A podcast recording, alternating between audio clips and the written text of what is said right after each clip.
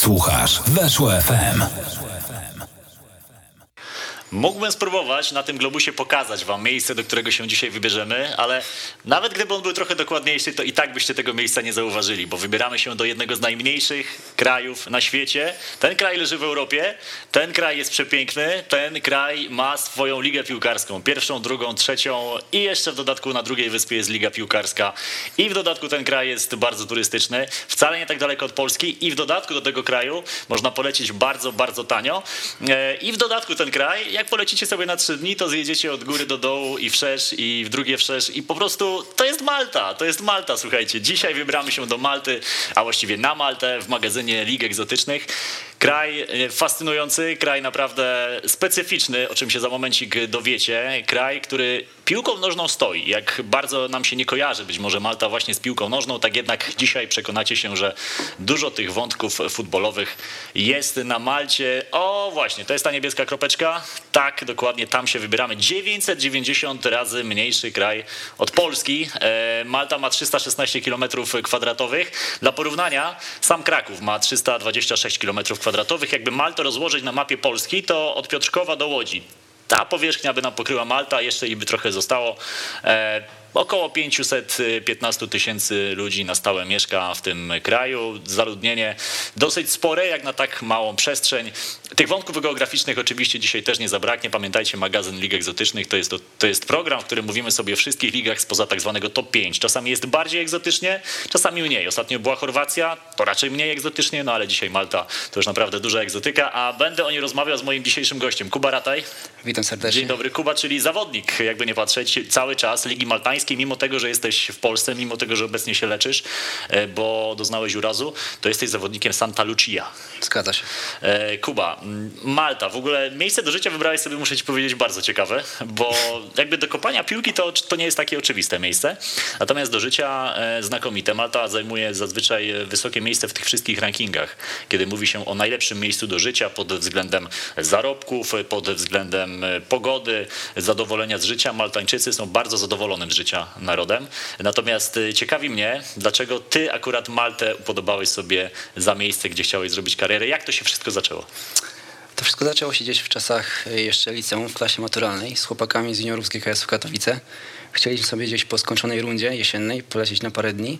No i tak zacząłem szukać jakichś tanich lotów po Europie. Akurat trafiłem na bardzo tanie bilety na Maltę. Ile zapłaciłeś? Nie pamiętam, ale poniżej 200 zł w obie strony wyszło, także to naprawdę są śmieszne pieniądze. Tak się złożyło, że akurat żaden z nas jeszcze tam wcześniej nik, nigdy nie był. No i zdecydowaliśmy się polecieć. Wtedy sobie właśnie polecieliśmy na 4 dni. Zobaczymy, jak to wszystko tam wygląda. Porozmawiałem z paroma osobami, które tam już mieszkały na stałe, jak się im żyje. No i pomyślałem, że w sumie jestem w sytuacji, że no gdzieś granie w piłkę w Polsce na jakimś wysokim poziomie mi nie grozi. No i pomyślałem, że fajnie by było spróbować pomieszkać w takim śródziemnomorskim klimacie, jak się funkcjonuje na co dzień w takim miejscu, nie tylko od strony turysty.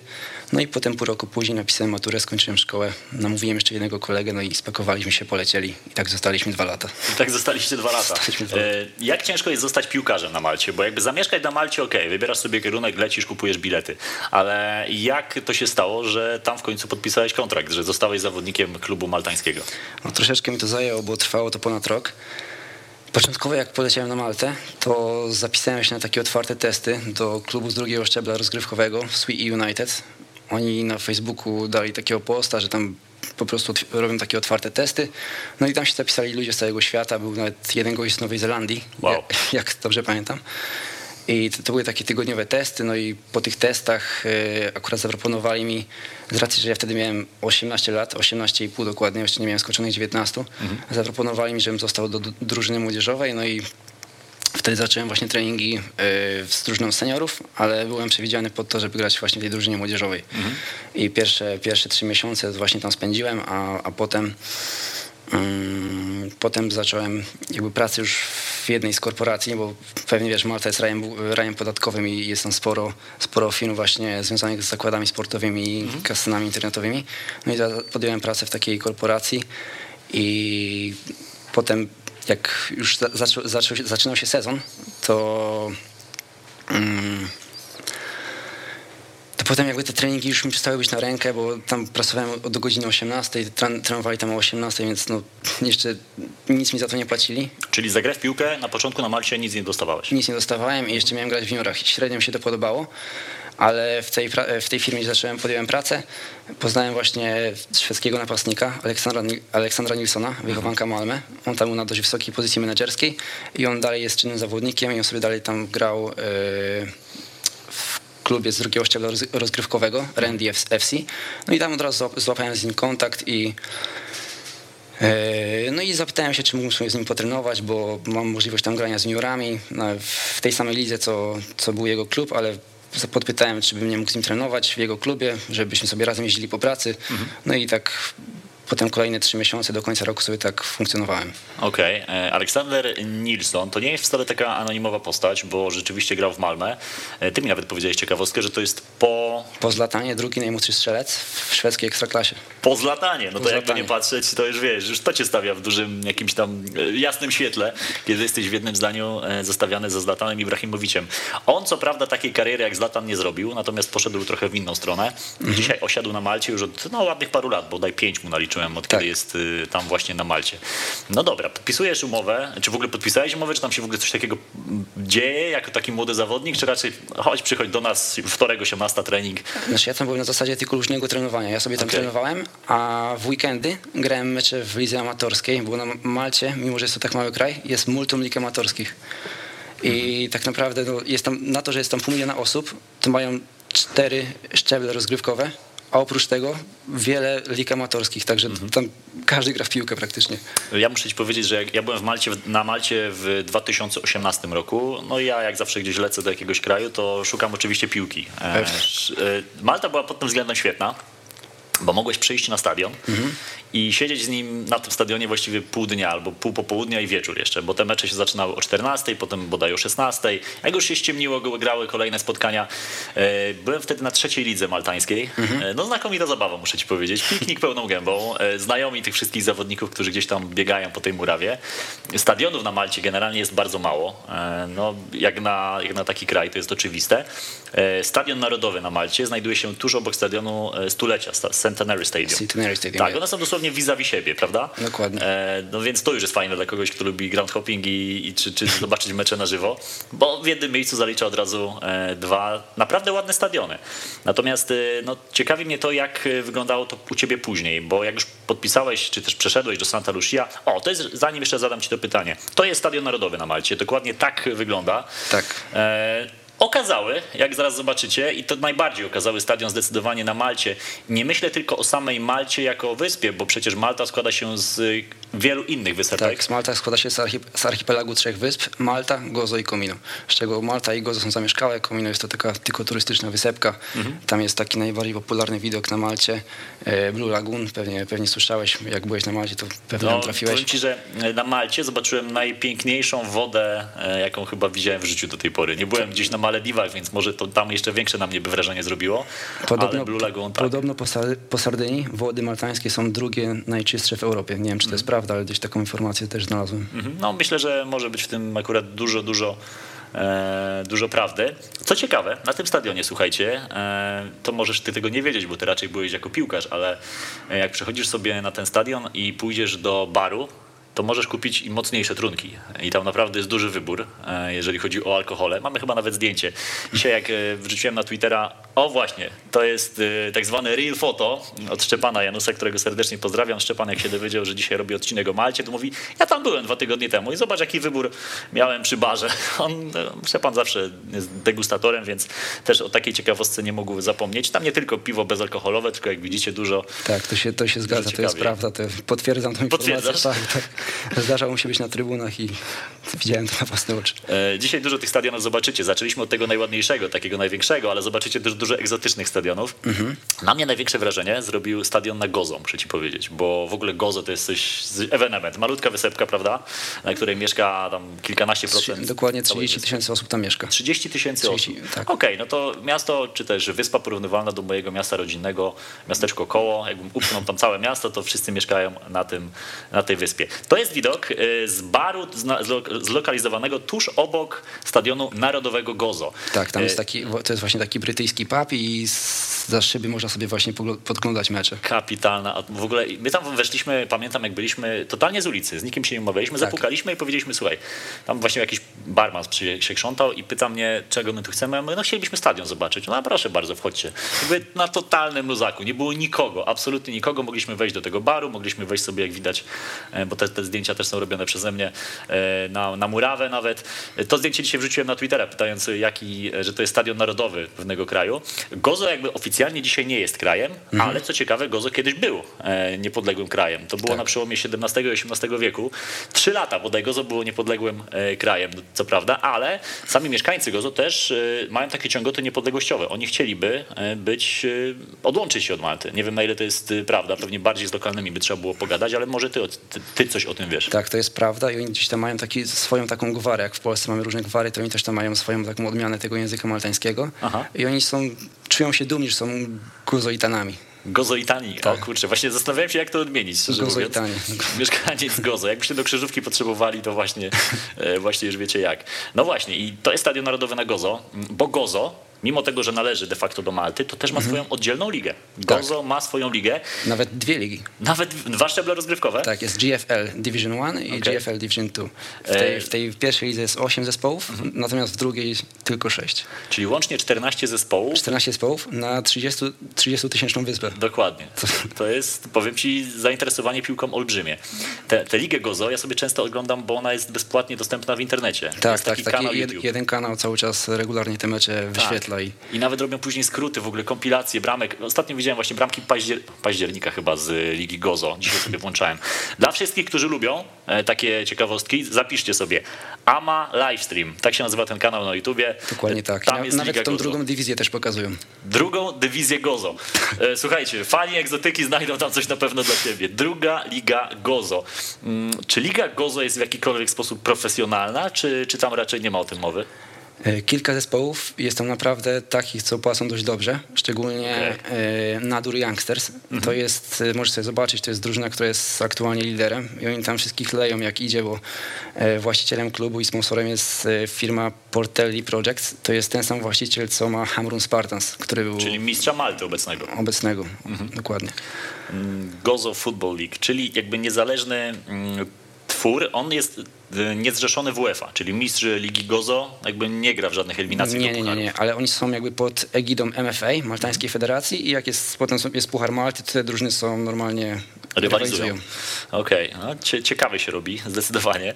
E, druga Liga Gozo, wow, to jest w ogóle, to jest hit hitów. E, słuchajcie, trochę geografii, trochę ciekawostek wam znowu przemycimy. Podpowiedzi, jakie się wczoraj ukazały na Instagramie sobie zobaczymy i kilka z nich postaram się rozwikłać. Muszę powiedzieć że wam, że dosyć szybko trafiliście, o jaki kraj chodzi. Ty, Kuba, byś miał jakieś problemy? Jakbyś zobaczył, no widziałeś te podpowiedzi i naprowadziłoby cię to? Widziałem i piątą podpowiedzią miałbym problemy, bo tutaj z y, Aha. tymi dwoma dużymi gwiazdami muzyki rozrywkowej to bym nie To już, trafił. to już ci zdradzam, o kogo chodzi. Britney Spears Mhm. ma korzenie maltańskie. E, One są akurat trochę dalsze, ale na przykład już Brian Adams, jego bodaj babcia urodziła się na, na Malcie. Więc Brian Adams i Britney Spears, słuchajcie, oni e, mają korzenie na Malcie.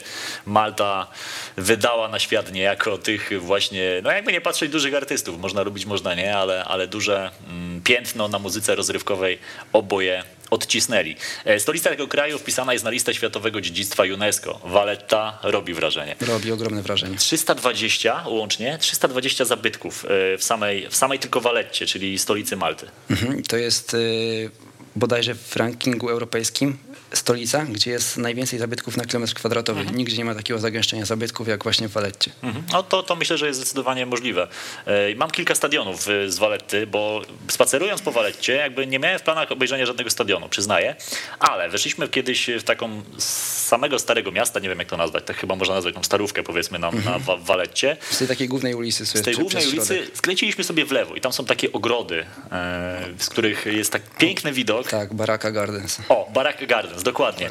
Mamy, słuchajcie, Valletta boisko. Jakbyśmy mogli sobie zobaczyć te zdjęcia, to by byłoby świetnie, bo jak zobaczyłem to, totalnie zaskoczony, nie planując tego w ogóle, po żadnym Google Mapsie. O właśnie, to jest widok na boisko de facto, bo to nawet stadionem nie można nazwać w Waletcie. Taki bardziej orlik. To jest taki orlik, bo na Malcie jest pełno takich orlików. Na Malcie fajne jest to, że te orliki są takie ogólnodostępne jak ktoś wieczorem chce sobie wyjść, znaleźć jakąś gierkę, to absolutnie z tym nie ma żadnego problemu, bo jest, są grupki na Facebooku, tam Malta, Seven Aside Football, Five Aside. Okay. I jak ktoś tylko ma ochotę pograć, to wystarczy tylko wejść na grupkę i zawsze praktycznie dziennie znajdzie się miejsce, że szukają gdzieś zawodników i jak ktoś ma tylko chęci, to zawsze sobie znajdzie jakieś miejsce, żeby pograć sobie jakiś taki luźny meczek. Czyli Maltańczycy generalnie, mimo tego, że są słabi, słabi w piłkę nożną, no bo na arenie międzynarodowej Malta nie znaczy zbyt wiele, ani kluby, ani reprezentacja, mimo to oni kochają ten sport. Tak, oni tam, piłka to jest numer jeden, to jest jak religia, także mimo, że wyniki i gdzieś tam kluby europejskie nie są jakieś znane, mhm. kluby maltańskie nie są znane na arenie europejskiej kompletnie, no bo to tylko pasjonaci też mogą wiedzieć o Waletcie, czy tam... Santa Lucia. Santa Lucia to jeszcze na arenę europejską europejską nie weszła, Aha. ale w ubiegłym sezonie było blisko, bo szósta Mosta e, brała udział w kwalifikacjach właśnie do konferencji. Okay. I co ciekawe, wygrali ze Spartakiem Trnawa. Wow, no to dla nich to jest duży sukces. No, ale to wszystko dlatego, że Hamrun Spartans z, nie dostało licencji na europejskie puchary, na mhm. Ligę Mistrzów. Czyli żeby, mistrz Malty. Mistrz Malty, dokładnie, nie dostali licencji. I przez to Hibernians z drugiego miejsca brali udział w kwalifikacjach Ligi Mistrzów. Mhm. Potem e, trzecia Birkirkara i czwarta Gzira brały udział w, w konferencji. Mhm. Przez to, że bo jeszcze jedno miejsce było zarezerwowane dla zwycięzcy Pucharu, ale Puchar przez pandemię nie został dograny, to piąte miejsce brało też udział w e, kwalifikacjach do konferencji. Na piątym miejscu była Sliema. Mhm. Sliema też nie dostała licencji na Puchary i szósta Mosta FC brała udział właśnie w kwalifikacjach konferencji. Pamiętasz z kim?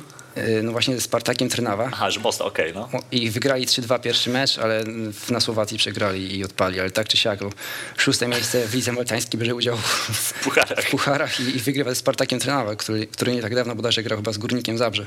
Mhm. No, Spartak Trnawa to jest jakby nazwa już jednak kojarzona na pewno przez większą część kibiców w Europie niż, y, no, niż jakikolwiek maltański klub. Tak, i do przerwy oni wygrywali 3-0 albo 3-1. Dopiero doszli ich w drugiej połowie. Tradycyjnie pewnie opadli z sił. No, ale to był mecz w lipcu, także no, jak taki Spartak sobie przyjechał na sztuczną trawę maltańską. Tak, na tą patelnię. Jak na tą patelnię jeszcze grali o 17 czy 17.30, no to, mhm. to mogli mieć ciężko. No tak. Yy, mamy kilka koszulek. Jedną muszę wam pokazać z mojej kolekcji, po nią nawet tutaj pofatyguję. To jest koszulka e, właśnie Valletta FC. O tym klubie też chciałbym dwa słowa powiedzieć, ponieważ jest o tyle ciekawy, słuchajcie. E, ty pewnie będziesz wiedział, Kuba. Ja, na, ja znowu, Malta mnie zaskakiwała na każdym kroku, muszę ci powiedzieć, ponieważ e, idąc sobie tym rynkiem w Waletcie, tak bym to nazywał, weszliśmy do pewnego pubu. Mhm. Ten pub jest jakby oficjalną czy nieoficjalną siedzibą właśnie Valletta FC. Wchodzimy, a tam wszystko obrandowane. Właśnie tym logiem Valletta FC. Okazuje się, że na dole był pub, właściwie nawet bar, bo tam można było również zjeść, a na górze była siedziba klubu.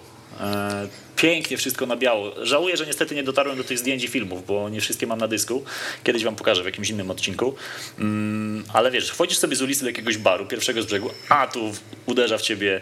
E, wtedy to był chyba mistrz nawet Malty i taki najbardziej znany klub e, Valletta FC, więc no to było duże E, duże, fajna rzecz.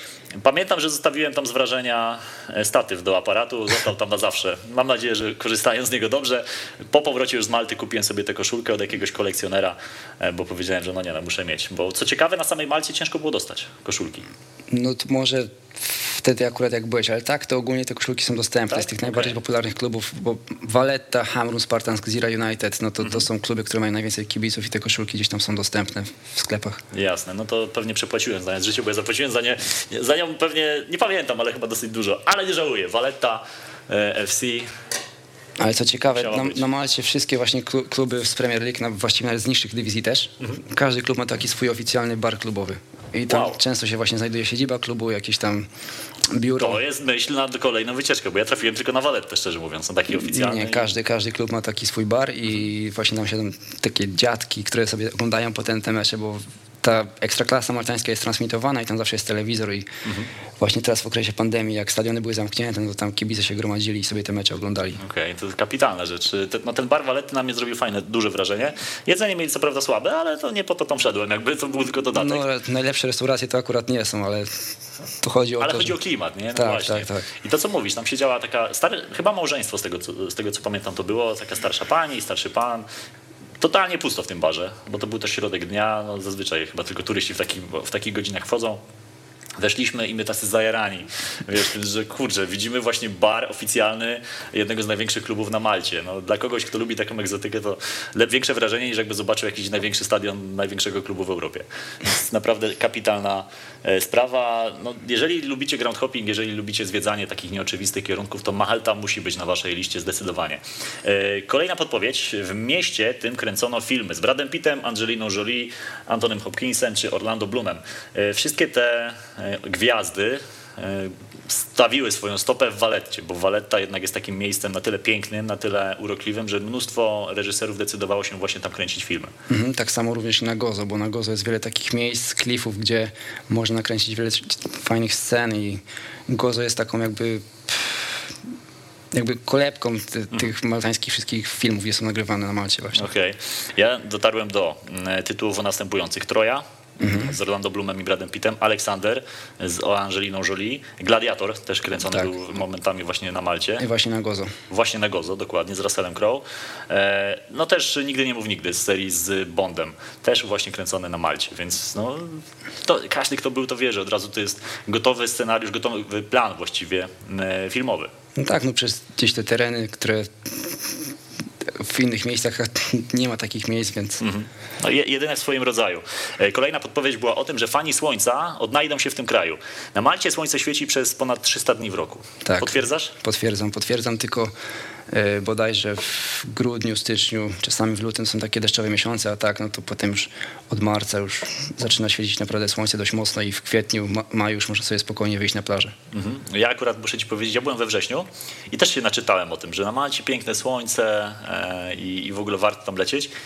I musiałem mieć mega pecha, bo trafi, byłem e, tak, mm, chyba na, żeby się nie skłamać, no z 6 dni to mieliśmy ciągle deszcz. Ale to był taki deszcz, że o godzinie 11 rano, czy też przed południem, zaczynał padać, jak z zegarkiem w ręku i po 45 minutach przestawał. Ale to była taka ściana deszczu i potem wychodziłeś, już było całkiem przyjemnie, więc...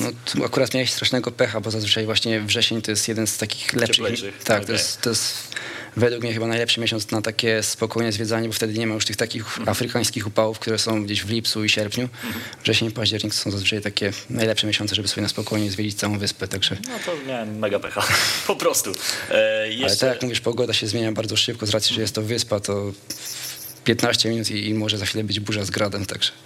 e, jeszcze odnośnie tej podpowiedzi, e, kto oglądał odcinek o Chorwacji, ten pamięta, jakie jest najbardziej nasłonecznione miejsce w Europie.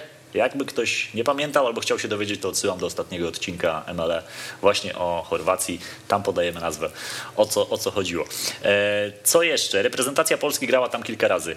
E, Cztery razy graliśmy z reprezentacją Malty. Cztery zwycięstwa, no nie może być inaczej. Bilans bramkowy 13 do 0 reprezentacji Polski. Natomiast chyba do historii przeszedł najbardziej taki mecz z 1980 roku. Właśnie widziałem nawet na YouTubie, sobie sprawdziłem Dokładnie. urywki z tego meczu, jak tam Maltańczycy rzucali kamieniami i to grali na takim starym stadionie. Aha. Teraz ten stadion to jest jedna wielka ruina, tam rosną drzewa. Tam nie ma parkingu na tym stadionie teraz obecnie? Nie, nie, nie. Akurat właśnie moja poprzednia firma znajdowała się naprzeciwko tego stadionu, także tam on jest ogrodzony murem i tam... Okej. Bo ja byłem kiedyś, na, y, szliśmy po, tym, po Malcie, zwiedzaliśmy i tak idę i widzę taki wielki blok e, z napisem Stadium, coś tam. I tak patrzę, że kurczę, rzeczywiście, tutaj chyba była jakaś brama do stadionu, ale reszta była zburzona i po prostu był parking. Tam bodajże jest nawet jeszcze napis Empire Stadium, tak to się nazywa. Okej, okej, no, no, no możliwe. Wpiszcie sobie w YouTube y, po tym odcinku e, Polska Malta, Polska Malta 1980 rok. 1980. I tyle. I nic wam więcej nie będziemy zdradzać. Wrażenia niezapomniane, jak Polacy musieli uciekać przed kamieniami. E, No ale ostatecznie te cztery zwycięstwa rzeczywiście były. Ostatni mecz w 2003 roku z Maltą w eliminacjach do Mistrzostw Świata, więc już dosyć długo nie graliśmy, a szkoda. Poleciałoby się na No, Maltę. akurat nie widziałem tego meczu, bo miałem 3 lata wtedy. Tak. Okej. No ja, ja, ja miałem 14 i pamiętam, ale to był taki mecz jakiś poza w ogóle terminem FIFA. On chyba w grudniu albo w styczniu rozgrywany. Nie wiem, czy nie poleciał nawet ligowy skład. E, no dobrze, to słuchajcie, tak to wygląda, jeżeli chodzi o, o, te ciekawostki. To się ukazuje jak zwykle na Instagramie. Dzień wcześniej przed magazynem, jak ktoś ma ochotę się bawić, to, to tam was odsyłam. Natomiast o samej lidze, powiedzmy sobie, obecny sezon tylko 12 drużyn. I hmm. mówię tylko, bo jeszcze w poprzednim sezonie tych drużyn było 16. Natomiast koronawirus trochę krzyki pokrzyżował, e, bo to mnie trochę zaciekawiło. Wiele lig na świecie przez koronawirusa zastosowało takie rozwiązanie, że nie było spadkowiczów. Mhm. Jakby drużyny, które były nawet na dole tabeli w momencie, kiedy liga stawała, nie spadały na, e, niżej. Natomiast na Malcie wręcz odwrotnie. Cztery drużyny, które były najniżej, spadły, a nie przyznano awansów. I przez to liga jest okrojona o cztery zespoły. Zgadza się, ale też maltańska piłka przeszła całkowicie reformację, bo w mhm. pierwszym roku, jak byłem na Malcie, to był to sezon 19-20, jak przylatywałem, na Malcie były cztery szczeble rozgrywkowe. Było BOV Premier League, mhm. potem First Division, Second i Third. Okay. Były cztery dywizje. Potem po tym sezonie wprowadzili reformę i została e, Premier League, drugi szczebel to nazwali to Challenge League, mhm. a potem niżej, tam gdzie było Second Division, i Third Division zrobili z tego National Amateur League. I to była taka jakby wielka grupa. E, to była taka jedna liga podzielona na trzy grupy. Grupa A, B, C. I mistrzowie tych grup potem awansowali do Challenge League, a tam drugie i trzecie miejsca grały między są takie duże playoffy. Okej. Okay. Także po prostu... Z, Rewolucja. Tak, z czterech poziomów rozgrywkowych zrobili dwa takie główne i ten trzeci taki podzielony na trzy grupy. Mhm. E, maltańska liga jest obecnie 45 w Europie. Mhm. Mm, no, więc możemy nawet sobie pozwolić na to, żeby wymienić wszystkie zespoły, które są za e, Ligą Maltańską w tym rankingu UEFA, bo nie ma ich aż tak wiele. Gruzja, Macedonia Północna, Liechtenstein, Estonia, Walia, Gibraltar, Islandia, Czarnogóra, Andora i San Marino. Tylko te ligi są gorsze według UEFA od ligi maltańskiej. Natomiast no, sam powiedziałeś, że ostatnio zespół będący na szóstym miejscu w lidze potrafił ograć Spartak Trnawa 3-2. Ograć rywala dużo wyżej notowanego, więc ja bym tak się bardzo mocno do tego rankingu nie przychylał. Tutaj liga maltańska może zaskoczyć, jak się okazuje, zwłaszcza kiedy mecze są rozgrywane latem i właśnie na Malcie, no, kiedy ta temperatura rzeczywiście z takich afrykańska. Z takich większych sensacji jeszcze pamiętam w 2019 roku Gzira United w kwalifikacjach Ligi Europy ograła na wyjeździe Hajduk Split 3-1. Wow, to wyjazd jeszcze, to wyjazd. jeszcze większy wyczyn. I co ciekawe, awansowali. Mhm. Pierwszy mecz przegrali 2-1, a drugi wygrali 3-1 i mhm. właśnie mecz w Chorwacji i w Chorwacji sobie zapewnili właśnie awans w Splicie. Maltańskie kluby grają zazwyczaj w tych naj naj, najbardziej pierwszych rundach, tak bym powiedział, tych wstępnych tak, e, tak. do eliminacji do Ligi Mistrzów, kiedy wszyscy jeszcze są na wakacjach, Maltańczycy już muszą mistrzowie Malty, czy też te zespoły, które grają w pucharach, już się wziąć do roboty, bo w czerwcu zazwyczaj trzeba dostąpić tego zaszczytu i zagrania w tych rundach e, kwalifikacyjnych. Pierwsza, druga runda i potem kończy się przygoda. No i potem się kończy przygoda, to prawda. Zazwyczaj tak jest, no ale też no, ciężko wymagać jednak od kraju, który z drugiej strony, okej, okay, nie jest aż taki mały, patrząc na liczbę mieszkańców, bo ponad pół miliona są mniejsze kraje e, w Europie. No ale jeżeli chodzi o samą powierzchnię, e, no to tutaj już mówimy o, o kraju wielkości Krakowa, nawet mniejszy to kraj niż Kraków. Jak to wygląda, jeżeli chodzi o infrastrukturę? Mm, same w ogóle obiekty, jeżeli chodzi o treningi, o, czy to jest w ogóle liga profesjonalna, czy możemy o czymś takim mówić? Jeżeli, czy jest to liga profesjonalna. Na pewno ta Premier League w dużym stopniu jest gdzieś profesjonalna. Każdy klub gdzieś ma tam jakiś swój obiekt treningowy. Czasami nawet są to może obiekty niewymiarowe. Niektóre drużyny trenują na takich skróconych boiskach, jakichś takich orlikach. Przykładowo u nas w Santa Lucia mieliśmy pełnowymiarowe boisko sztuczne. Okay. Każda drużyna na Malcie trenuje na boisku sztucznym. I oprócz Hibernians, bo oni trenują na Hibernian Stadium. Mhm. To jest jeden z obiektów, gdzie rozgrywana jest Premier League właśnie, bo Premier League jest rozgrywana na trzech stadionach i właśnie na Hibernian Stadium. I oni są jedyną drużyną, która może powiedzieć, że gra u siebie, bo oni na tym boisku trenują na co dzień. Cała reszta nie ma jakby swoich stadionów. Gdzieś tam mają swoje obiekty i to są to po prostu takie zwykłe sztuczne boiska. I takiego jeszcze starego typu, nie taki jak teraz coraz więcej się ich buduje w Polsce, tylko taki stary, pierwszy typ sztucznej trawy z okay. czarnym granulatem. Zawsze w korkach zostawał ten czarny granulat, no, się wracało z grania. W takim martańskim słońcu w lipcu, sierpniu to... Mhm, no zabójstwo. E, to jest ciekawe to, co powiedziałeś, że cała liga rozgrywana jest na trzech stadionach. Tak. Zaledwie trzy obiekty. Mm, e, bo mamy teraz te 12 zespołów. Jeszcze dwa słowa o tym systemie rozgrywkowym. Mhm. Każdy z każdym gra e, mecz i rewanż. To mhm. jest pierwsza runda. Potem mamy podział tabeli na pół. Od tego sezonu tak jest. Od tego sezonu. Tak, od tego sezonu tak jest, że pierwsza e, szóstka gra o mistrzostwo i o puchary, druga szóstka gra o utrzymanie się w lidze.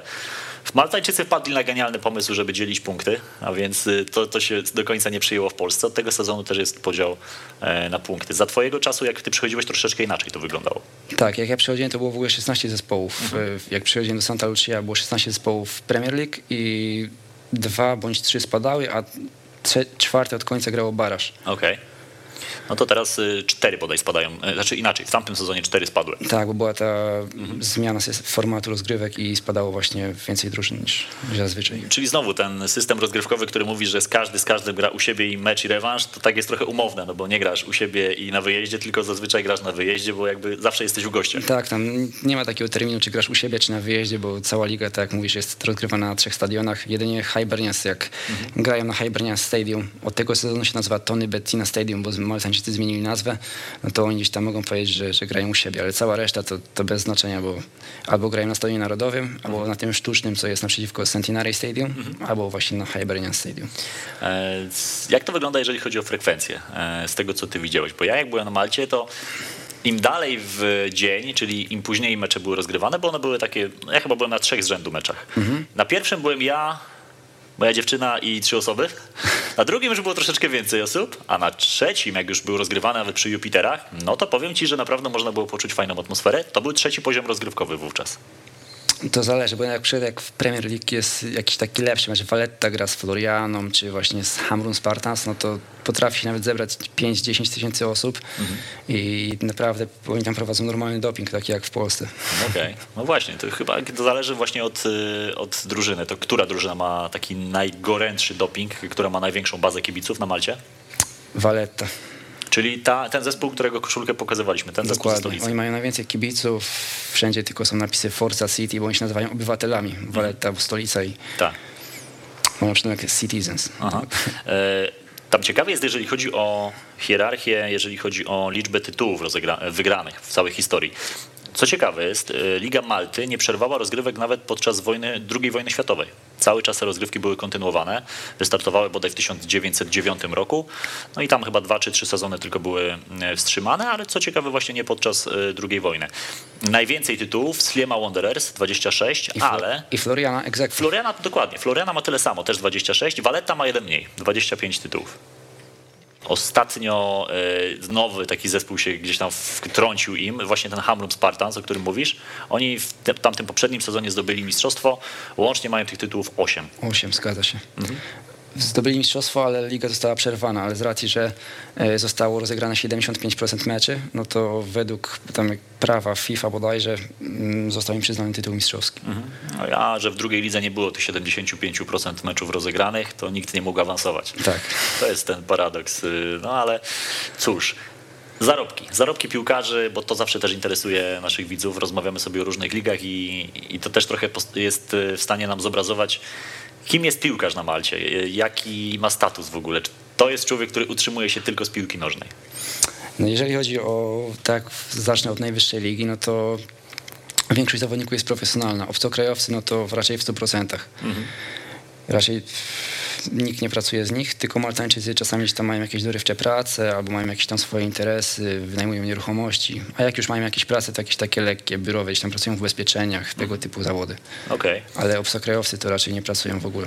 Czyli ty, zakładając, żebyś został dłużej na Malcie, będąc obcokrajowcem, nie musiałbyś już później pracować? Myślisz, że dostałbyś kontrakt, który by ci pozwalał się utrzymać? W tym pierwszym roku, jak ja dołączyłem do Santa Lucia, no to ja się zgodziłem na takie warunki, bo doszedłem jako ostatni, byłem najmłodszym obcokrajowcem, więc było mi z góry powiedziane, że zacznę gdzieś tam sezon grając w U21. Gdzieś cały czas byłem przy pierwszej drużynie, trenowałem z pierwszym zespołem, ale no na mecze schodziłem tam z kilkoma chłopakami do U21 Okej, rozumiem. i tam po prostu zb- zbierałem minuty. Mhm. No a w co myślisz, że w przyszłości jest szansa na to, żeby zostać tym obcokrajowcem profesjonalistą? No, gdzieś związałem z tym nadzieję. Chciałem na pewno, nie, nie zagrałem meczu w Premier League i cały czas gdzieś mam to z tyłu głowy, że to nie dokończyłem jakiejś tam misji. No jeszcze masz trochę czasu, ty jesteś jednak młodym gościem, rocznik 2000, prawda? No Zgadza się. Wiesz, jeszcze, jeszcze jest szansa na karierę, zwłaszcza na Malcie. E, A powiedz, jak to w takim razie wygląda od strony sportowej, treningi. No, trenowałeś w GKS-ie Katowice, więc jakby w dużym klubie w Polsce. Mhm. Poleciałeś na Maltę. E, Totalnie inny świat pod względem choćby treningu, czy, czy niekoniecznie? Jeżeli chodzi o treningi, no to model takiego tygodnia standardowego był dosyć podobny. Tak? Jeżeli mecz był gdzieś w sobotę, to tre- treningi były od poniedziałku do piątku po południu o 17, z czego we wtorek i w środę jeszcze był trening rano, czyli było 7 treningów plus mecz, tak to wyglądało. I potem niedziela była wolna i tak, tak wyglądał gdzieś mniej więcej ten, ten mikro, mikrocykl tygodniowy. No to brzmi dosyć profesjonalnie jednak. No już tutaj sporo lig poruszałem w tym magazynie i wiele z nich było dużo mniej intensywnych, jeżeli chodzi o treningi. Tych treningów były zazwyczaj dwa, trzy w tygodniu, a ty mówisz o siedmiu nawet od poniedziałku do piątku. Tak, tak.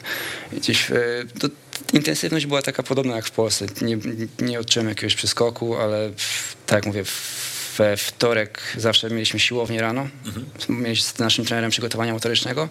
Potem w środę mieliśmy bieganie, no a potem wiadomo, w, w ten wtorek i środę zawsze też były treningi po południu i tam były jakieś treningi już bardziej taktyczne, piłkarskie. I, Także taki standardowy model. Okej. A sam poziom Ligi Maltańskiej, jak to byś ocenił? Mm, Ciężko mi jest tak porównywać do innych lig, bo gdzieś nie, nie zebrałem doświadczenia w innych krajach. Gdzieś w Polsce też nie grałem na jakimś wysokim poziomie, ale no jestem skłonny stwierdzić, że te topowe dru- drużyny z y, Ligi Maltańskiej no, mogłyby się utrzymać w ekstraklasie. W pierwszej lidze na pewno. Okej.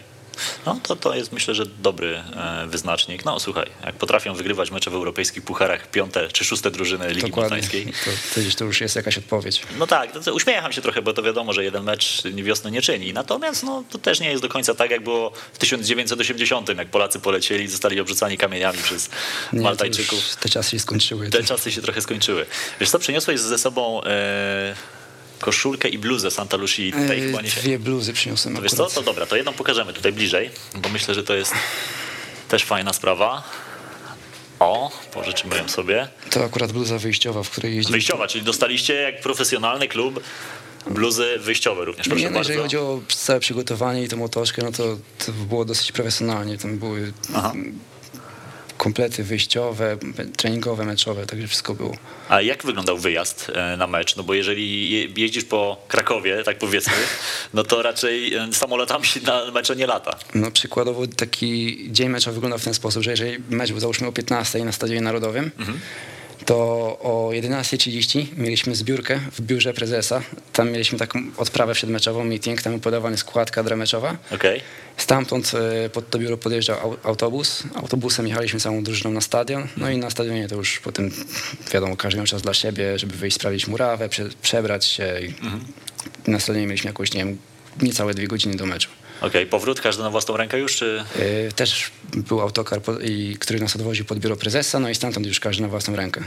Także jak, no jak wyglądało e, w takim razie zakwaterowanie dla ciebie jako obcokrajowca? Czy klub ci to zapewniał, czy musiałeś sobie samemu na własną rękę szukać? nie, akurat na Maltę trafiłem całkowicie, jakby nikt mi tego nie załatwiał, wszystko na własną rękę sobie ogarniałem i cały czas gdzieś mieszkałem na, na wynajętym mieszkaniu, które sobie sam załatwiłem. Okej, ale gdybyś takiego mieszkania nie miał, to klub by ci to wynajął, żebyś nie musiał za to płacić? Jak to wygląda? Tak, jeżeli bym po prostu przyszedł jako obcokrajowiec do klubu, no to oczywiście zakwaterowanie klub zapewniał. Już myślę, że paru piłkarzy z polskich niższych lig szuka sobie testów na Malcie. A to No, wcale... Wiele do- dostawałem właśnie zapytań od, różnych, przeróżnych To chłopaków. poczekaj z po tym programie, co będzie się działo. Zawsze jak ktoś przychodzi właśnie z takiej ligi e, egzotycznej, to potem mówi Adam, coś ty zrobił, teraz do mnie piszą właśnie ciągle jakieś y, nowi ludzie o, o możliwość załatwienia testów. Ale, bo ty się dostałeś jakby z otwartych testów do piłki nożnej na Malcie w ogóle. Tak, wszystko za- załatwiałem na własną rękę, pisałem po klubach, pchałem się, nikt mnie tam jakoś nie, nie wcisnął, tylko gdzieś metodą prób i błędów załapałem się w końcu. Ja ci muszę powiedzieć, że z tego co zauważyłem, to jest dosyć e, częsty, e, częsty sposób na znajdowanie piłkarzy na Malcie, właśnie nawet do tych najwyższych e, rozgrywkowych lig, czy też czy po prostu najwyższej ligi. Ja ostatnio widziałem, chyba to było, to na pewno była zima tego roku, właśnie obecny mistrz Malty też na swoim Facebooku, chyba tak, to, był- to był ten, ten Hamrun właśnie. Hamrun Spartans. Spartans. Oni też zamieścili, że są otwarte testy. Jeżeli chcesz, czujesz się na siłach, to przyjedź do nas na Maltę, zapraszamy. E, nie wiem, może ci to umknęło, może powinieneś tam spróbować do nich się dostać. Mistrz Malty, jakby nie patrzeć. Mm, Raczej mi to musiało umknąć, bo na pewno by to było dosyć głośne wydarzenie na Malcie, jakby takie testy zrobili. Okej, to ja to sprawdzę. Wiesz co, czy to na pewno o nich chodziło, ale wydaje mi się, że tak, szczerze mówiąc, bo ja kojarzę ten klub, bo do tego klubu nie tak dawno przyszedł, już nie wiem, czy, już chyba już go tam nie ma, ale Sejdu Dumbia, czyli Zgadza zawodnik, y, no dosyć znany jednak, były gracz CSK choćby. CSK, Romy. No właśnie, i on właśnie w tym zespole grał, nie? To, to, jest, to, jest, ta, to, jest, ten, to jest ta ekipa. Tak, tak. Pograł tam, przyszedł na bodajże ostatnie pół rundy, zagrał tam kilka meczy, strzelił chyba z dwie bramki i Mhm. I tyle go widzieli. tyle go widzieli. I widziałem to na Facebooku, właśnie mam polubione te wszystkie kluby z Ligi Maltańskiej i kilka z Gozo. Może mylę, może, może to nie o nich chodzi, ale wydaje mi się, że to oni robili te testy. Sprawdzę i to i ci to później e, przekażę. No dobra, jesteś zawodnikiem na Malcie, jeździsz na mecze, pracujesz. E, ta praca jeszcze mnie interesuje. Czy ty sobie też to samemu załatwiłeś, czy klub ci w jakiś sposób w ogóle pomagał, żeby znaleźć e, Nie, pracę pracę? załatwiłem sam. Już przed klubem miałem załatwioną pracę, którą gdzieś tam sam sobie aplikowałem z ogłoszenia w internecie. No i dostałem się i tak już w niej po prostu zostałem. Półtorej roku pracowałem w jednej firmie i dopiero później trafiłem do Santa Lucia. A czym się dokładnie zajmujesz tam na Malcie? Yy, Pracowałem w branży iGamingowej. Pewnie wiesz, że Malta głównie się utrzymuje z to internetowe zakłady bukmacherskie, kasyna online, także pracowałem w jednej z takich firm, no i tam zajmowaliśmy się pozyskiwaniem graczy, jakby sprzedawaliśmy bonusy bukmacherskie. Mhm, dobra, i ty jeszcze cały czas to robisz z Polski? Możesz to powiedzieć, czy nie możesz? Nie wiem, nie pytam za Yy. dużo. Jak coś to mów. Pracuję cały czas dalej w tej branży, ale konkretnie ro- robię teraz coś innego. Na okej. innym stanowisku pracuję. Czyli, ale, bo ty jesteś teraz w Polsce, bo się leczysz, bo doznałeś urazu, prawda? Zgadza się, jestem po operacji, obecnie się rehabilituję w Katowicach na Śląsku i Kiedy ta rehabilitacja się zakończy mniej więcej, myślisz? no już tak przewiduję, że od y, stycznia będę już do gry. E, I wtedy gdzie będziesz grał? Na Malcie z powrotem? Na Malcie, no jeszcze nie wiem, zobaczymy jakie będą możliwości. Na razie chcę się skupić, żeby doprowadzić swoje kolano do porządku i potem będę myślał, co dalej. Ale na Maltę zawsze mogę wrócić, klub do mnie pisze, czy, czy będę chciał wracać, że czekają na mnie z otwartymi rękami, także zobaczymy. To opowiedz nam trochę o tych samych Maltańczykach. Jacy to są ludzie? E, Bo nawet już tak wracając jeszcze do tego tematu, o którym zacząłem właściwie ten program, że Malta jest jednym z najwyższych e, miast, na najwyższych miejscach, jeżeli chodzi o, o życie. Tam też się ocenia właśnie otwartość ludzi, pomocność ludzi e, i, i takie no, pozytywną energię. I Maltańczycy są podobno bardzo wysoko w tym rankingu. To jest akurat prawda. Tak jak w tych wszystkich południowych krajach europejskich, czy Włoszech, Hiszpanii, gdzieś myślę, że wielki wpływ ma na to słońce, bo je- jeżeli ma się 300 dni dostęp do słońca w ciągu roku, no to człowiek od razu inaczej funkcjonuje i, i wszystkiego się dużo bardziej chce, jest się dużo bardziej uśmiechniętym, pomocnym, także myślę, że to głównie dzięki, dzięki temu klimatowi maltańskiemu. Kogoś e, takiego specjalnego pamiętasz tam z Malty, kogo poznałeś? E, może w klubie, albo niekoniecznie. Ktoś, kto na tobie zrobił takie największe wrażenie? Poznałem ludzi z przeróżnych krajów. Poznałem wielu ciekawych, wiele ciekawych osób z Bałkanów i myślę, że to są osoby, które naprawdę są bardzo w porządku, mimo że gdzieś tam się wydają, że Serbia, Albania to są jakieś dzikie kraje, ale tak naprawdę to są najlepsze osoby, jakie chyba w życiu spotkałem. A jakich miałeś obcokrajowców w drużynie? Bo powiedziałeś, że na testy przyleciał nawet gość z Nowej Zelandii. On Ale- przeszedł te testy, czy nie? Yy, To były moje pierwsze testy, jak przyleciałem na Maltę. Zaraz miałem je załatwione, bo to właśnie na takie testy aplikowałem, tak jak mówiłeś, na, przez posta na Facebooku, ale to była drużyna z drugiego szczebla rozgry- rozgrywkowego Swiki United. I tam właśnie przyleciał koleś z Nowej Zelandii. A nie wiesz, jak, jest, jak się jego losy potoczyły? Te, te, losy wszystkich z tych testów się po- potoczyły tak, że tylko ja zostałem do treningu Aha. i przewidziany byłem pod grę właśnie w drużynie juniorów, a wszystkich odesłali, tylko wzięli tam jednego Maltańczyka. Okej. Bo, bo co ciekawe, w tych wszystkich ligach są limity obcokrajowców. Także to jest gdzieś tam też... Mhm. No to jest e, problematyczne, Jest dosyć przeszkoda. A jak to wygląda na Malcie? Ilu może być obcokrajowców? W obecnym sezonie zmieniły się przepisy i w Premier League na całą osiemnastkę meczową może być dziewięciu obcokrajowców, z czego siedmiu może być na boisku w jednym momencie. Ale może zacząć też równie dobrze pięciu i czterech być na ławce.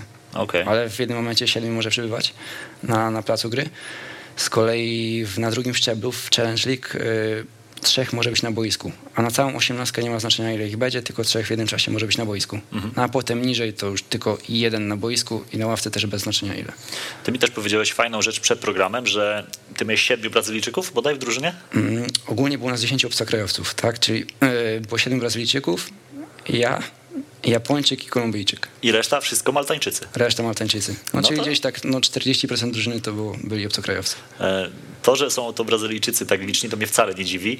Kiedyś nawet w którymś programie próbowaliśmy rozwikłać, czy jest liga, w której nie ma choćby jednego Brazylijczyka e, i w tamtym momencie chyba nie było. Ktoś mi podsyłał, że na Wyspach Salomona nie było, ale ja później dotarłem, że jest Brazylijczyk, nawet na Wyspach Salomona. Oni są wszędzie. Oni są wszędzie, oni za piłką jeżdżą tylko gdzie się da, także to jest ich tam jakaś poniekąd religia i akurat Malta to jest taki kierunek piłkarski, że tam większość obcokrajowców jest właśnie z Ameryki Południowej, albo Argentyna, albo Brazylia, najwięcej Brazylia. No i potem chyba trzecia jest Nigeria. Mhm. No czyli tak, afrykańskie. To też się spina z tym, co raczej w innych ligach egzotycznych nazwijmy Ale to no, się spotyka. co najmniej 70% tych obcokrajowców wszystkich to jest właśnie z Brazylii Aha. na Malcie. E, I co było ciekawe, oni nie mówią po angielsku. No, u nas z tych siedmiu Brazylijczyków, co było w Santa Lucia, to tylko dwóch mówiło tak dosyć dobrze po angielsku, a reszta Nic. zero. No jak oni sobie radzili wtedy w drużynie? No czasami trener potrafił przerwać trening na 5-10 minut i tłumaczył im tak bardzo prosto. Ci dwaj Brazylijczycy, te, Brazylijczycy też mu pomagali, żeby załapać jakiś dany schemat czy ćwiczenie, ale no czasami wyglądało to komicznie. No, domyślam się. E, Okej, jak w ogóle trener? E, Kogo mieliście za trenera? Maltańczyka? Maltańczyka, Maltańczyka, ale mieliśmy bardzo fajnego trenera. Mm, miał UEFA Pro licencję, także no, sporo się nauczyłem. Był taki dosyć, bardzo miał takie merytoryczne podejście i uważam, że naprawdę w porządku trener. To był Oliver Spiteri? Oliver Spiteri, zgadza się. E, No, to też mnie interesuje właśnie to, jak wygląda szkolenie na Malcie. No, czy w ogóle tam głównie maltańscy trenerzy obejmują drużyny, czy zdarzają się też właśnie obcokrajowcy? Są obcokrajowcy. Na przykład w zeszłym sezonie w drużynie Balzan był trener z Anglii. Mm, Są włoscy trenerzy. No zależy, zależy, ale jest, są też trenerzy, tak jak mówisz, z zagranicy. Mhm. Giovanni Tedesco. To jest myślę, że postać, którą powinniśmy tutaj wspomnieć, bo to jest trener, e, który był dopiero co w lidze maltańskiej. On teraz już odszedł. Myślę, że mogą go kojarzyć fani piłki nożnej, zwłaszcza we Włoszech. On grał w Palermo, w Perugii. Później trenował różne kluby, między innymi Palermo, a że z Palermo już daleko na Maltę nie jest. E, Z Sycylii to jest tam chyba 80 kilometrów. W Pław, jakby się ktoś uparł, to by przepłynął. E, To też właśnie trafił na Maltę mm, do ekipy Sirens. Do 2020 roku tam jeszcze był e, szkoleniowcem. I bodajże on zagrał, był, prowadził Sirens w tym sezonie, kiedy Sirens grało kwalifikacje do Ligi Europy. Bo w, zeszłym w zeszłym roku Sirens, e, co prawda było Beniaminkiem w Premier League, bezpośrednio po awansie z Challenge League zajęli czwarte miejsce i zagrali kwali- w kwalifikacjach do Ligi Europy Okej. jako Beniaminek. To była taka no, dosyć duża, Duża- duża duża sensacja na Malcie. Malta żyje piłką, to wiemy, że przychodzą ludzie na, na trybunę. A jak to wygląda, jeżeli chodzi o media?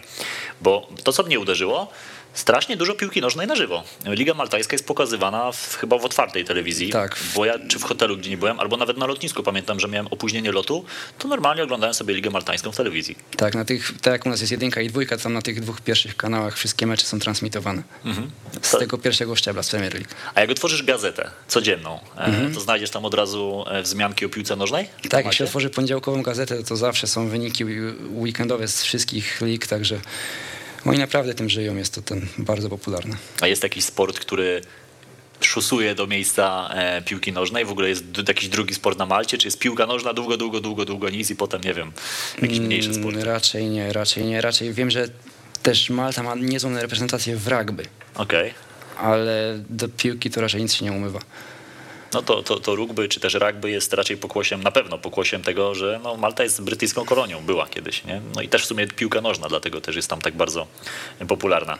Samo życie na Malcie mnie ciekawi, bo ja podczas swojego pobytu, muszę ci powiedzieć, uderzyło mnie to, że miałem coś takiego, jak dobrze, że ja tu nie wziąłem samochodu. Jak dobrze, że ja tu nie wypożyczałem samochodu, bo a, komunikacja, komunikacją miejską dojedziesz wszędzie, dosyć sprawnie działa, przynajmniej z mojej obserwacji. Dwa, Ruch miejsc- lewostronny.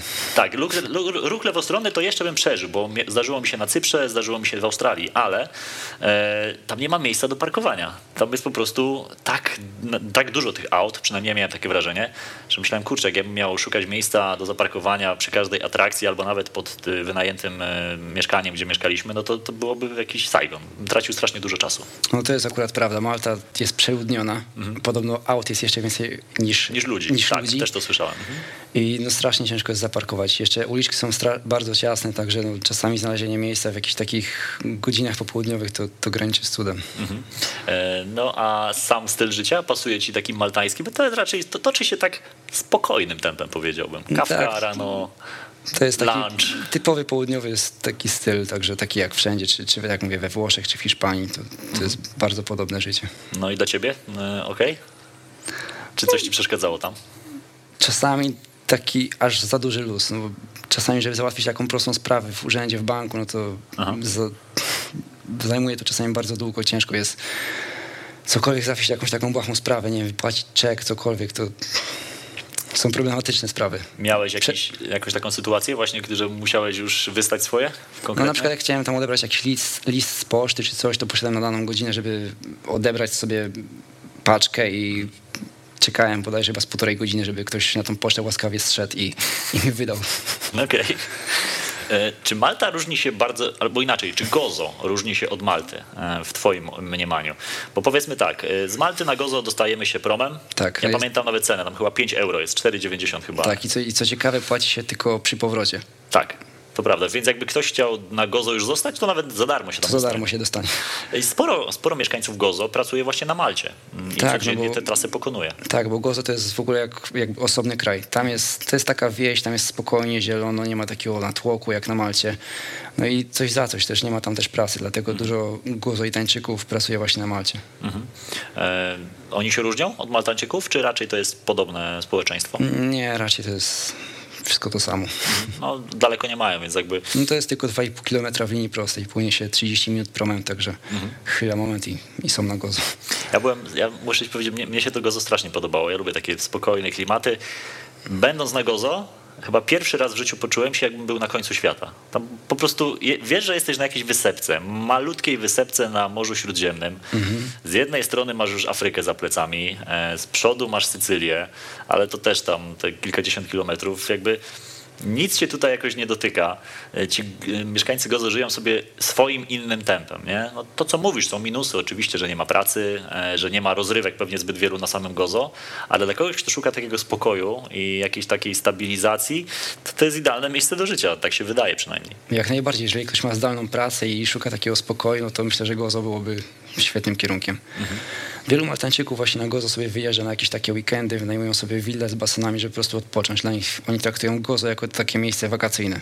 Ci rodowici Maltańczycy, którzy mieszkają na stricte na Malcie, to Jasne. przychodzi weekend i oni całą, całymi rodzinami wyjeżdżają sobie właśnie na Gozo. Mhm. E, a ty wspomniałeś o tym lewostronnym ruchu.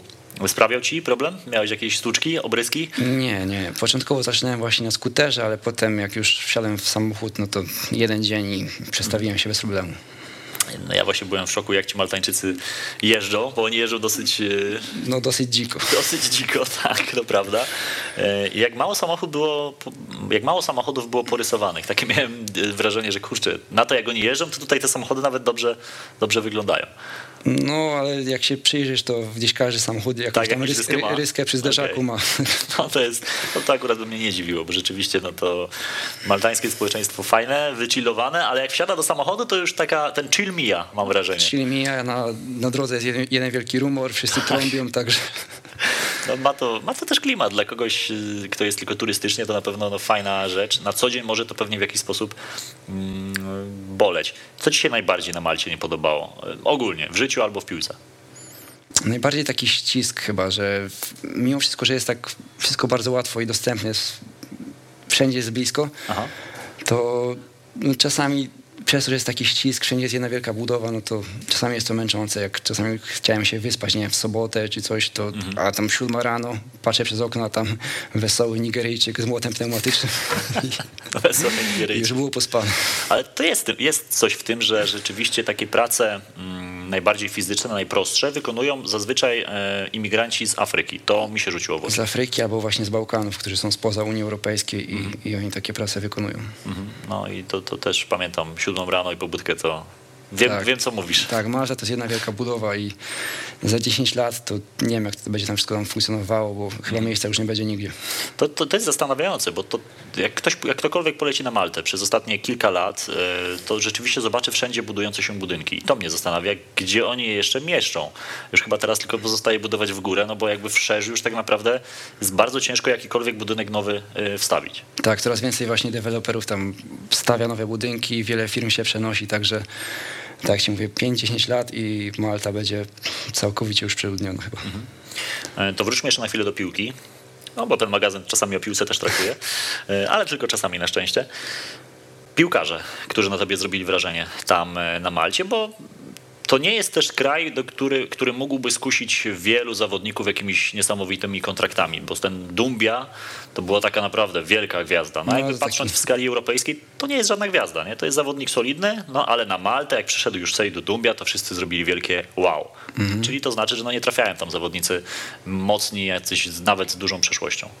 Zgadza się. Akurat jeżeli chodzi o kto zrobił naj, największe wrażenie, no to z tymi, co miałem okazję rywalizować, no to u nas y, w kadrze mieliśmy takiego Kolumbijczyka, Kevin Rosero. On aktualnie gra w lidze greckiej. Strzelił w w ubiegłym sezonie, który nie został dograny. 17 bramek, no i poszedł do Volos FC, do greckiej ekstraklasy. I jest w proszę. drużynie z Jakubem Kuzdrą i, Kamilem Wojtkowskim, O, także... no, pozdrawiamy i Tak. Kuba, Kuba jest fanem magazynu Ligi Egzotycznej, więc też go bardzo pozdrawiamy. Także właśnie pisałem z Kevinem, mówiłem, żeby uważał na polskich chłopaków.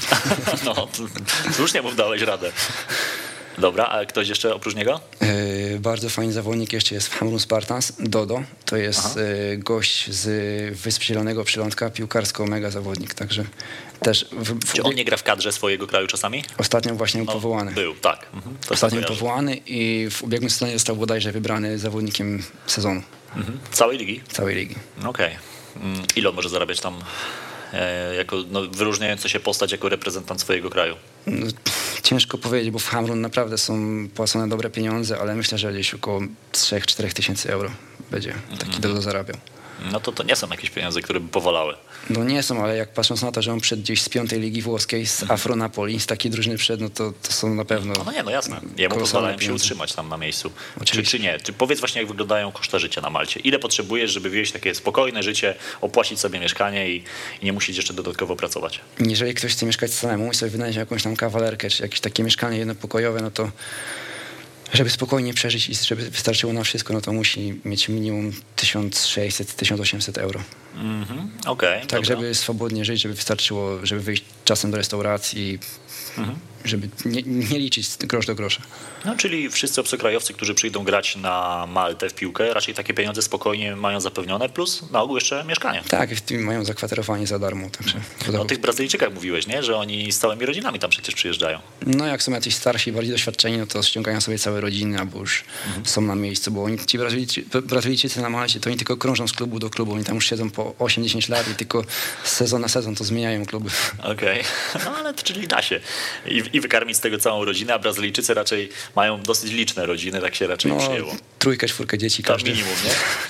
Mm, A socjal tam na Malcie jest też taki zachęcający do tego, żeby tam wyemigrować? Nie, absolutnie. To, to, nie są, to nie jest taki kraj emigracyjny właśnie jak, nie wiem, Skandynawia, Niemcy, Holandia, jak, jak się jeździ na emigrację, tylko tam ludzie jeżdżą po to, żeby, żeby żyć, żeby korzystać ze słońca, a nie, nie po socjale. No okej, rozumiem. E, A czym się różni piłka nożna na Malcie od y, tej polskiej? Bo muszę ci powiedzieć, że rozmawiałem z e, moim znajomym takim, który gra teraz na Wyspach Owczych E, i on też wcześniej był na testach. E, Właśnie Chris Jastrzębski. z Chrisem, dokładnie. No, był gdzieś do mnie też pisał, spotkaliśmy się na Malcie. On właśnie się testował w Mosta FC. O, no właśnie. I tylko on mi zwrócił uwagę na to, że tam jest totalnie inna piłka. On grał wcześniej w Niemczech, w niższych ligach i no, że poszedł na Maltę i tam jak kogoś na, na treningu ostrzej wszedł, to wszyscy łapali się za głowę, że to jest raczej taki sport bezkontaktowy tam na Malcie. Tam się stawia raczej na jakąś technikę, bardziej na umiejętności. to, to szczególnie Maltańczycy, oni są tacy przewrażliwieni i oni unikają raczej takich wejść. Gdzieś tam na treningach też wielokrotnie mi razy uwagę zwracali, żebym tam nie deptał czy coś. Niezbyt ostro wchodził. A nie wchodziłeś, podejrzewam, jakoś bardzo ostro. No nie no, normalnie tak jak w, każdym innym kraju, czy w Polsce, czy tak trenowałem wszędzie. Nic nadzwyczajnego nie robiłem, nic, jakoś chamsko nie wchodziłem w nich, także... Okej. A oni gdzieś tam no, też zwracają strasznie uwagę, żeby ich tam nie naruszyć. No to to jest coś, co na pewno Maltę wyróżnia, bo jak, no Chris teraz gra na Wyspach Owczych, gdzie jest w ogóle totalnie inny futbol, tam się stawia właśnie na fizyczność, tam musisz bardzo być też dobrze zbudowanym i, i silnym człowiekiem, żeby sobie tam poradzić, a na Malcie jednak bardziej technicznie. To by się rzuciło w oczy, że oni rzeczywiście mają, to, mają taki dryg do, do technicznego grania w piłkę nożną? No tak, no bo gdzieś większość tych obcokrajowców jest właśnie z Ameryki Południowej, a to są raczej techniczni zawodnicy, nie jacyś fizyczni. Oni tam raczej ciężko trenować nie lubią, tylko wolą do, piłkę do nóżki i, pobawić. i się trochę pobawić. E, Okej. Będąc tam na Malcie, gadaliśmy już sobie o tym, kto na tobie zrobił wrażenie, e, chyba że jeszcze kogoś chciałbyś wymienić z piłkarzy. Mm, chyba wszystkich wymieniłem, którzy takie... To za dużo ich nie wymieniłeś, szczerze mówiąc. No, to raczej nikt takiego wielkiego wrażenia na mnie nie zrobił. No. Okej. Z maltańskich zawodników mogę na pewno wymienić e, Luca Montebello z Birkirkary, Mhm. ciekawy zawodnik i właśnie Matthew Guliamera z Hamlin Spartans. To, to są chłopaki, co myślę, że spokojnie by sobie mogli poradzić jeszcze jakiejś innej lidze niż maltańskiej. Mhm. E, Legendą maltańskiej piłki, e, jak i reprezentacji, jak i później i ligi, jest ktoś taki, kto się nazywa Michael Mifsud. Czy mówi ci coś to nazwisko? Słyszałeś, czy nie słyszałeś? Słyszałem, słyszałem. A co słyszałeś o nim? Mm, On w ubiegłym sezonie grał w, właśnie w Mosta, jak się, jak się nie mylę. Tak, on ma już 40 lat, zbliża chyba 41. zaraz Tak, ostatnio był wielki jakiś tam ostatni pożegnalny mecz w reprezentacji. No, dokładnie, tak, dokładnie. W tam, chyba w tamtym roku jeszcze Michael Mifsud tam grał. Jest Nawet, nawet jak nie w tym roku. No To, może było, to, było, to było wielkie wydarzenie. Wszyscy to strasznie przeżywali Maltańczycy i Bo to jest we wszystkich gazetach, portalach pisali o tym. No to jest legenda maltańskiej piłki. On w kadrze gra od y, ponad 20 lat, grał, no bo już tak jak powiedziałeś, zakończył. Strzelił tam ponad 40 bramek dla reprezentacji. Co grając dla takiej reprezentacji, która na ogół tyle goli traci, a nie strzela, to jest duży wyczyn, jakby nie patrzeć. On nawet próbował robić karierę za granicą. To jest taki strasznie filigranowy piłkarz. On ma 160 chyba 5 Tak, centymetrów wzrostu. jest, taki zbity, malutki. Tak, ale bardzo silnie, silny, fajnie trzyma się na nogach. Ja go tak bliżej poznałem, jak poznałem, no nie osobiście, ale jego karierę, jak przyszedł do Ligi Australijskiej. E, To było z 6 lat temu, może 7. E, On podpisał kontrakt w Melbourne City. I to był taki piłkarz, trochę maskotka, jak się okazało. Bo widać było, że on coś ma w sobie, że ma taką dynamikę, że ma fajne odejście, niezłe technicznie. No, warunków fizycznych oczywistych nie miał, no, ze względu na swój wzrost i przegrywał pojedynki z tymi australijskimi e, ros, rosłymi obrońcami. Ale każdy mu kibicował, żeby on strzelił gola. Bo to był facet, który miał największego chyba pecha w tej lidze. Grał na pozycji napastnika, bo on zazwyczaj na, na pozycji dziewiątki grał i miał słupki, miał poprzeczki, miał sytuacje, gdzie nie trafił do pustej bramki, gdzie chyba gola mu nie uznali nieprawidłowo, a powinien mieć tego gola. I tak mecze mijały, ten Michael Milsud dostawał cały czas szansę w, w Melbourne, ciągle nie mógł trafić tego gola już na stadionach e, e, w, w Melbourne, w ogóle w całej Australii. Nawet kibice drużyn przeciwnych mu kibicowali, żeby on w końcu tę bramkę strzelił. przełamał. Żeby się w końcu przełamał. On chyba skończył w ogóle tylko z jedną bramką w całej lidze australijskiej. Ja trochę tych meczów zagrał. E, Tak strasznie mi go szkoda było, szczerze mówiąc, jak oglądałem e, te, te jego popisy. Natomiast no, Australijczycy przyjęli to tak dosyć e, z przymrużeniem oka. No i później chyba wiem, że już właśnie po tym epizodzie australijskim wrócił do, do, do, do siebie, na, na, do ojczyzny. No Maltańczycy oni są strasznie przywiązani właśnie do, do swojego kraju. Oni raczej nie lubią jakoś tak emigrować. Jak rozmawiałem z chłopakami od siebie tam z Santa Lucia, z Maltańczykami, to oni mówią, że oni sobie tak nie wyobrażają wyjechać tak jak ja wyjechałem w młodym wieku i gdzieś spróbować za granicą. Że oni, że oni mówią, że ma, oni to nazywają homesick, że Okej. taka choroba, że tęsknota za domem, za rodzicami, za rodziną i, i oni sobie czegoś takiego nie wyobrażają, bo są strasznie takim rodzinnym narodem. No ale wiesz, jak masz, masz wszystko na miejscu u siebie w kraju, piękną pogodę, jak jeszcze masz pracę, po co wyjeżdżać z drugiej strony? No, człowiek ma taką naturę generalnie, że lubi odkrywać nowe. To my tak po prostu mamy jako, jako ludzie, E, ale są takie narody, które rzeczywiście dobrze się czują u siebie. Mm, Maltańczycy Pierwszy przy, przykład, jaki kolejny przykład, jaki mi przychodzi do głowy, to pewnie też Farerzy, czyli mieszkańcy wyspowczych. Oni też są tacy, takim dumnym narodem. No może do Danii czasami, żeby na sklepy trochę e, po- pochodzić, kupić coś fajnego, ale też czują się tacy bardzo dumni i najchętniej by od siebie z kraju e, nie wyjeżdżali. Jeszcze jeden zawodnik, e, grający kiedyś w reprezentacji Malty, przyszedł mi do głowy, John Hutchinson. To jest trochę mniej znana postać, bo on całą prawie karierę grał w Australii właśnie. On się urodził w Australii, ale jego ojciec bodaj e, albo matka byli właśnie Maltańczykami i wylecieli do Australii. Jakby to są te wyjątki, które opuszczają Maltę. Co ciekawe, do właśnie innych wielu, wielu Maltańczyków ma korzenie jakieś australijskie. Mhm. To są bardzo związane kraje ze sobą, tak samo jak wielu Maltańczyków ma ko- ko- korzenie brytyjskie, to tak samo ma wielu australijskie też korzenie. To jest właśnie powiązane ze sobą. Przez to, że Australia była kolonią brytyjską, e, wielu ludzi z Wielkiej Brytanii, czy też posiadających paszport e, tamte, tamtego kraju, wyjeżdżało właśnie do Australii, więc pewnie stąd ta Malta też. No właśnie John Hutchinson e, był kiedyś no, taką podporą takiego klubu w Australii, Central Coast Mariners. E, Wiele lat grał w Australii i tak chyba pod koniec kariery zdecydował się, żeby zagrać jeszcze dla reprezentacji Malty. Zagrał tam kilkanaście spotkań, jakiegoś większego, większej cegiełki do kadry nie dołożył, no ale to kolejny taki zawodnik z większym nazwiskiem, no bo nie chcę mówić z dużym nazwiskiem, ale z większym nazwiskiem, który w tej reprezentacji Malty e, zagrał. Ale Michael Mifsud to jest myślę legenda numer jeden, nie do pobicia człowieka. Tak samo jeszcze bodajże Andres Kembry, nie wiem czy słyszałeś. Tak, On, on on- grał w, We Włoszech? We Wło- y, na Cyprze grał na pewno Aha. i w Indiach też grał. Okej, no nazwisko jak najbardziej kojarzę. A coś gdzieś y, przewinęło ci się właśnie tam będąc na Malcie o nim? Jakieś newsy też docierały o, o właśnie tym zawodniku? Nie, właśnie czytałem tam jakieś artykuły, że on został y, trenerem w, na Cyprze, w, chyba w Apollonie Limassol, jak się, Aha. jak się nie mylę, jakichś grup młodzieżowych, ale no jest tam dosyć rozpoznawalną postacią na Malcie i z racji tego, że grał gdzieś w Indiach, no bo Mhm. raczej Maltańczycy na co dzień nie grają za granicą i dla nich to jest wielkie wydarzenie, jak już ktoś wyjeżdża za granicę i, i gra w jakiejś obcej lidze. Słuchaj, musiałem sprawdzić, szczerze przyznaję, że teraz nie mówię tego z głowy. Andres Cambry rzeczywiście dla reprezentacji Malty 12 lat, y, grał w Portugalii, grał na Cyprze, grał w Niemczech, bo nawet y, VSV Frankfurt. I w tych Indiach chyba. E, tak, Szenain. Gra w tym klubie obecnie teraz Łukasz Gikiewicz i Ariel Borysiuk. To jest ta sama drużyna. Dobrze wybrali, jak widać.